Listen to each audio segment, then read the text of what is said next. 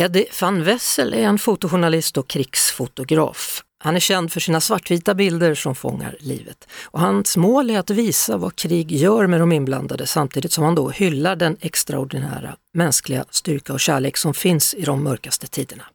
Igår så prisades ju bildjournalister i den prestigefyllda tävlingen Årets bild och där tog Eddie van Wessel pris i tyngsta kategorin Årets bild. Han utsågs till Årets fotograf och han vann också kategorin Nyhetsreportage utrikes. Och det är bara att eh, rikta ett stort grattis till denna holländska fotograf. Thank you very, very much. I'm totally overwhelmed by what happened yesterday. Han har ju varit då i Ukraina och tillbringat en ganska så lång tid där. I och med att han har varit här så länge då, hur har han sett att kriget har förändrat landet? Well, actually, it changed a lot because in the beginning, everybody was like overwhelmed by the attack of the Russians. People were afraid and people were confused. And um, as you know, Ukraine was pretty much not a country with the best reputation. Everybody did what was best for him himself, but not so much for the country. And that completely changed during the war. But after the first few months, people learned to live with the fear. This is the biggest thing that has happened the last year. Han berättar att tidigare så var Ukraina ett land där man kanske mest såg efter sitt egna hus men han har märkt att nu har människor börjat bry sig om varandra i mycket större utsträckning. Nu stöder alla varandra och i början så var alla rädda och förvirrade men nu har man lärt sig i Ukraina att leva med rädslan.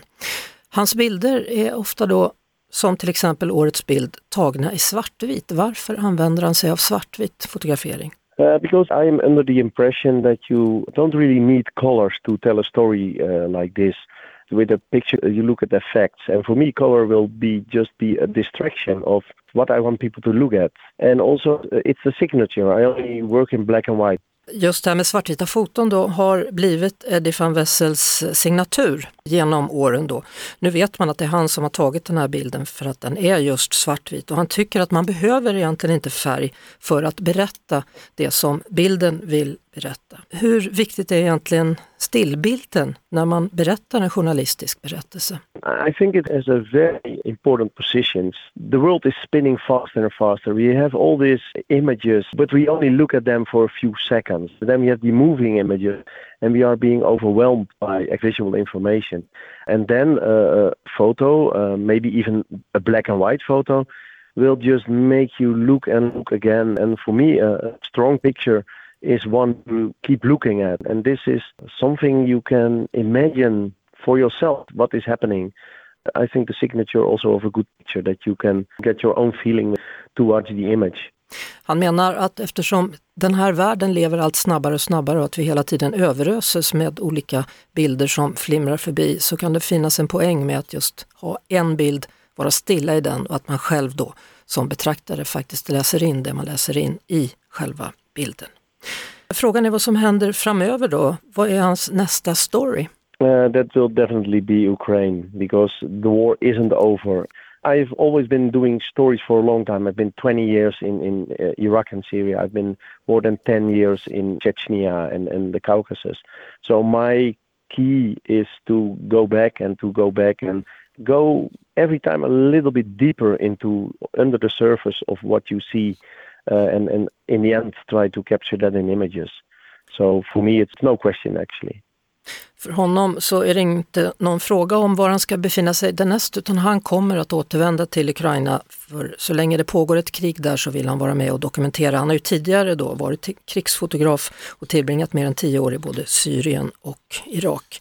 Eh, jag har den här bilden framför mig då som är ett avsked på en tågstation med en kvinna som ser oerhört ledsen ut i sina ögon. Hon tar farväl av sin man. Måste varit känslosamma ögonblick. I made it in March of 2022. Uh, so it was more or less in the beginning of the war, and then so many families got separated uh, because of the conflict. You know, people were confused, people were afraid. So mainly the women and the children would leave, and the men would stay to fight without uh, knowledge if they would see each other again. So this picture is symbolic for this separation of families and loved ones. And this woman was holding the hand of the man, and and then a train came in, and she started crying. And this is, yeah, this brings everything together: the the grief and the insecurity that war brings to people. Det berättar om den här bilden då där den här kvinnan står med tårar i ögonen eftersom tåget precis kommer in och då förstår hon att nu ska de skiljas åt och kommer de någonsin mötas igen? Och all den här oron då. Han säger att det här fångar ögonblicket just då, just när han tog den här bilden. Och så är ögonblicket vad gäller krig. Än en gång, stort tack Eddie van Wessel and again a big congratulations. Thank you very much for talking to me and, and uh, thank you very much for looking at the pictures again because this is for me uh, a very uh, important part of the prize that people can see the pictures again and in more prominent places. Eddie säger och skickar och riktar ett stort tack för att vi tittar på hans bilder för han känner att det är det som också är en del av priset, att han faktiskt får publicera bilderna ännu en gång så att vi kan bli påminda om vad som försiggår i krigets Ukraina. Are you ever scared when you're out? Uh, actually, yes. If I'm not scared, I would immediately stop doing what I do because it's a very healthy signal that something is seriously wrong. So uh, being scared is uh, very, very healthy. Självklart är han rädd och han tycker att det är en signal om att läget är bra. Skulle han inte vara rädd, då hade han inte varit helt frisk, säger han. Ett poddtips från Podplay.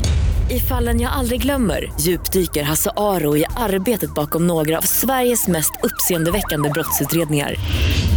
Går vi in med hemlig telefonavlyssning och, och då upplever vi att vi får en total förändring av hans beteende. Vad är det som händer nu? Vem är det som läcker?